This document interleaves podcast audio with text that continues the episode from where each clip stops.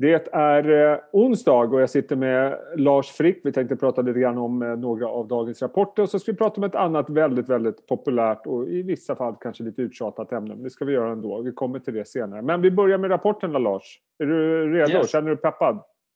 Vi kör! Essity kommer in med en rapport som jag tycker mm. ser eh, bra ut. Mm. Eh, vad tycker du? Jag tycker också ser bra ut. Det känns som att eh, rubriken skulle kunna vara Essity kolon mer än toalettpapper. Jag tänker på för ett år sedan, när pandemin kom, när alla skulle bunkra och så. Essity här kommer det här. Det finns fler grejer. Men det var väl en stabil ja, rapport? Exakt. Det var väl eh, just att det inte var de hushållsnära produkterna kanske som överraskade mest positivt, utan mer åt det professionella segmentet eh, som faktiskt börjar återhämta sig. Det mm. tycker jag det är väl precis det man vill se, att man kan ju förstå att försäljningen till hotell har gått ner. Där väntar sig bolaget en normalisering under andra halvåret i år. Eh, och andra typer av professionella kunder börjar också ticka upp och det kanske var det som också gjorde att den organiska tillväxten slog förväntningarna. Det blev ja. minus en halv procent, så det är kanske inte en kioskvältare i absoluta tal. Men här låg förväntningarna på att den skulle gå ner med 3 procent. Just det. Så och, det, det, det, går åt rätt håll och av rätt anledning. Och, och, det där tycker jag är lite intressant det här med professional hygiene och faktiskt medical mm. solutions som också har påverkats mm. eh, till viss del negativt av coronan. jag får känslan av att man ser en ljusning i, i båda de områdena mm. och, och professional ser andra halvåret. Vilket är intressant för det är lite det man har hoppats på mm. generellt och, och det kan säkert avspegla sig andra liknande aktier. Vi, vi hade Duni här mm. för inte så länge sedan och eh, kanske till och med de här hotellaktierna kommer, kommer säga något liknande längre fram. Exakt. Uh, och Custody Services då som Core, ett bolag som utför tjänster eh, nära kontorsfastigheter, så där, det har ju också med och, ja, andra fastigheter Så att, det är ett intressant område. De aktierna har ju varit väldigt pressade. Så det finns ju en stor svingfaktor där om man nu börjar se lättar i siffrorna som ju du nämner Duni tidigare och numera också även Essity. Så att, um, det, är, det är verkligen en positiv trend.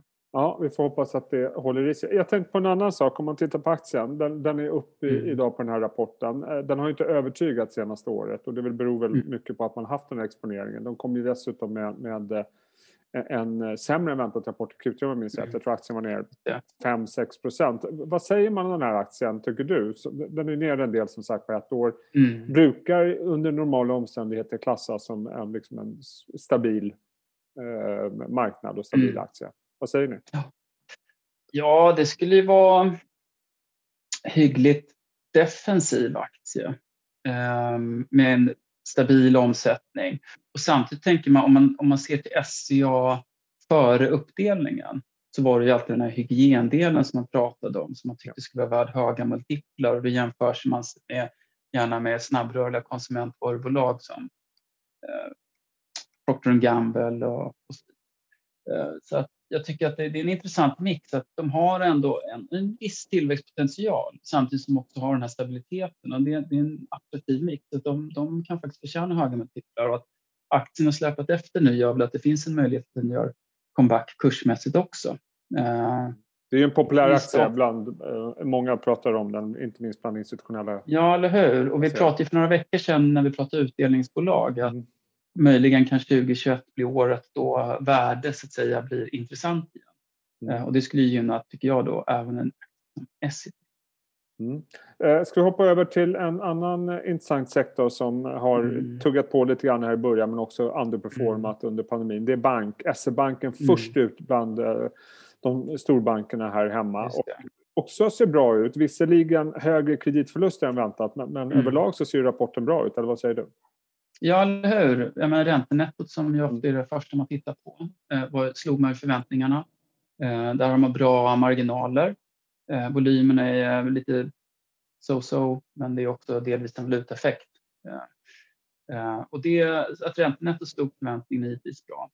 Även provisionsnettot och sen är det det här med utdelningar och då tycker jag väl ändå att det blev inte så mycket som förväntat. Konsensus var väl att de skulle lägga till en extrautdelning. Men jag tycker SE-banken har också rätt bra skäl till att inte gasa på. Det finns ju, eh, vad ska jag säga, eh, kanske inte legala men Nej, men det, det, vi... det finns ju ett stopp på, det finns ju ett, en begränsning av utdelning från och, och det, här, det här är en intressant diskussion och jag vet att SE-banken mm. fick väldigt många frågor om det från analytiker också. Att man, man har ju liksom ett kapitalöverskott, vad ska vi göra med de mm. pengarna? Mm. Finansinspektionen mm. är väl fortfarande väldigt restriktiva i sin syn på hur bankerna ska dela ut. SE-banken pratar om en framtida extrautdelning, man pratar mm. om aktieåterköp och, och mm. ser över hur man kan göra det här. Hur viktigt är det för, inte bara för SE-banken, men för banksektorn som helhet att de faktiskt kan börja komma igång med det här igen och visa sig vara mm. de direktavkastare som man har varit mm. tidigare? Jag skulle säga att det är viktigt för det är ju en del av um, attraktionskraften i banken. Att det finns en hög utdelningskapacitet och det är en viss typ av investerare som gillar det. Och det är klart att kan man inte dela ut så försvinner ju liksom tjusningen med, med aktien då. Så det handlar väl lite mer om tidshorisont här. Att Samtidigt är ju SE-banken och de andra bankerna välkapitaliserade. Så det är inte en fråga om de kommer att dela ut utan det är när kan det här börja? Eh, och nu delar man ut så mycket man får och sen så är det väl eh, nya tag i hösten 2021 då det kommer nya besked eh, från Finansinspektionen. Och tills dess då, det antar jag att frågorna också handlar om, finns det vägar runt det här? Till exempel återköp är ju inte formellt en utdelning men har ju säga, samma effekt dessutom lite bättre än utdelningar på många sätt. Det är ju skatteeffektivt återföring. Så att om man har den här buy and hold-strategi som utdelningsjägare eh, så är ju så är återköp mycket bättre för då sköts det per automatik. Bolaget köper tillbaka 5 på sin aktie varje år. Medan då man har utdelningar, då ska man få, ut, få utdelningen, ska man betala skatt på det så ska man köpa nya aktier då för den tusenlappar man får eller vad det nu blir. Så det är inte så himla smidigt. Mm. Um, men där tyckte signalerna från bolaget var lite tveksamma. Att ja, det är någonting vi tittar på, men man ska nog inte förvänta sig att stora taggar. Så jag tror mer på att man, man sparar fram tills att restriktionerna släpper från FI och då kan man sätta igång och gasa på riktigt. Vad säger du om sektorn annars? Du nämnde förut att i förra programmet så pratade vi om eh, utdelningarnas återkomst. Mm. Eh, bankerna har ju inlett året eh, starkt men de är fortfarande, mm. jag menar tittar man på en tvåårsgraf så Mm. Alltså banken är redan de bästa men, bästa men det är fortfarande det är inte mycket avkastning att tala om. Vad säger du om banken inför 2021? Nej, tyvärr, det, det ser ju bättre ut än det gjort tidigare. Det kanske inte så mycket, det såg också risigt ut förut. Men, men det finns ändå några faktorer. Dels det här att utdelningarna kommer tillbaka om än inte i full kraft.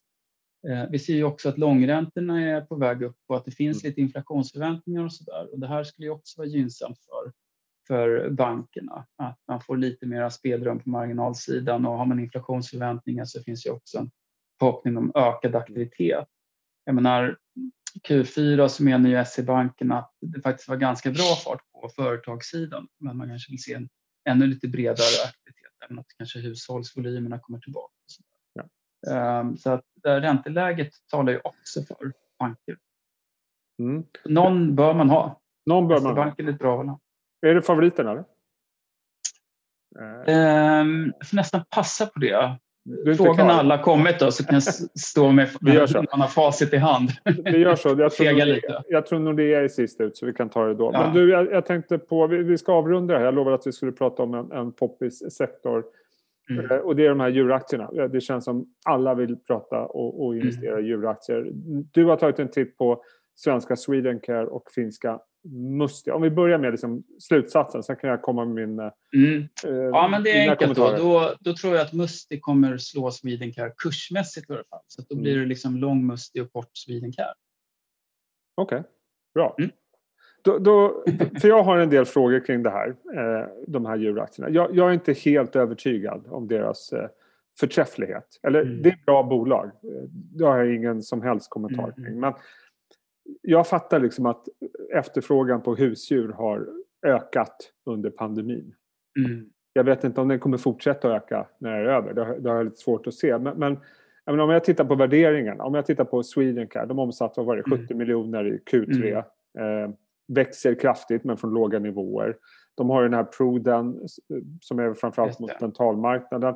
Mm. Alltså, om man tittar på just det, om man tittar på marknadspotentialen i ett sådant bolag, går, går mm. den liksom att motivera dagens värdering? Jag menar, hur stor kan efterfrågan bli egentligen på den här typen av produkter? Ja, det där är jag också rätt tveksam till.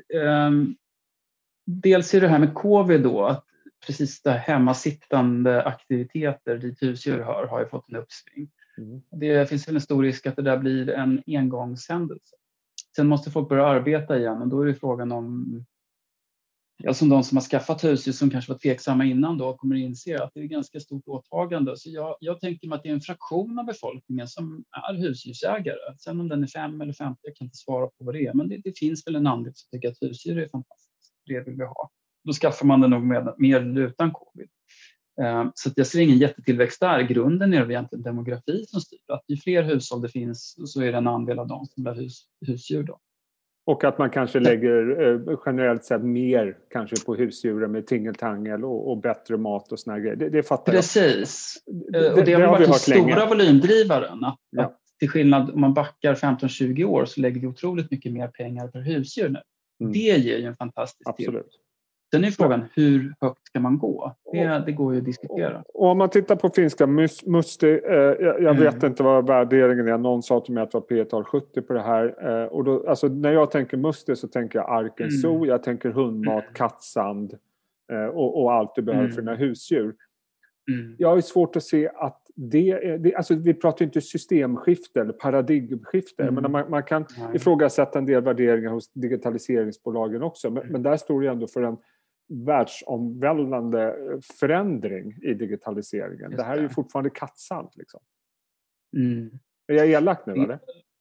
Nej, jag tror också precis, jag tror du är inne på, på någonting viktigt där. För att om man tittar på, som vi nämnde, att eh, vi lägger mer per husdjur, väsentligt mer eh, jämfört med tio år sedan. Och Eh, men då är frågan vad, vad är det för något vi spenderar mer på? Och då tror inte jag att det så mycket handlar om att vi köper så mycket dyrare foder utan det tillkommit massa tjänster som inte fanns för 20 år sedan. När jag var ung så var ju hunddagis ett helt okänt fenomen. Det fanns inte och nu i Stockholm i varje fall så tycker jag att varje dag man går, ut, går omkring på stan så ser man människor som ja. då rastar andras hundar och det kostar flera tusen kronor i månaden. Och lägger man in det i, i priskalkylen för ett husdjur så är det inte undra på att vi spenderar mångfalt mer idag än vi gjorde för 15 år sedan Djurförsäkringar är också jag har ju svårt att Spännande se... område. Ja, det kan jag känna. För, jag menar, vi har ju pratat om ja. en annan kursraket, ju amerikanska Trupanion ja. som har gått hur mycket som helst. Ja. Men där är ju liksom en marknad där ingen har djurförsäkring. Där finns ju en, mm, en väldigt uppsida. Vi kan prata om Intervac till exempel som ett nytt läkemedel mm. för, för, en, en mm. viktig nischad grupp visserligen som är lite annorlunda. Jag har ju svårt att se att familjen Norberg ska köpa mer kattsand framöver. Nej.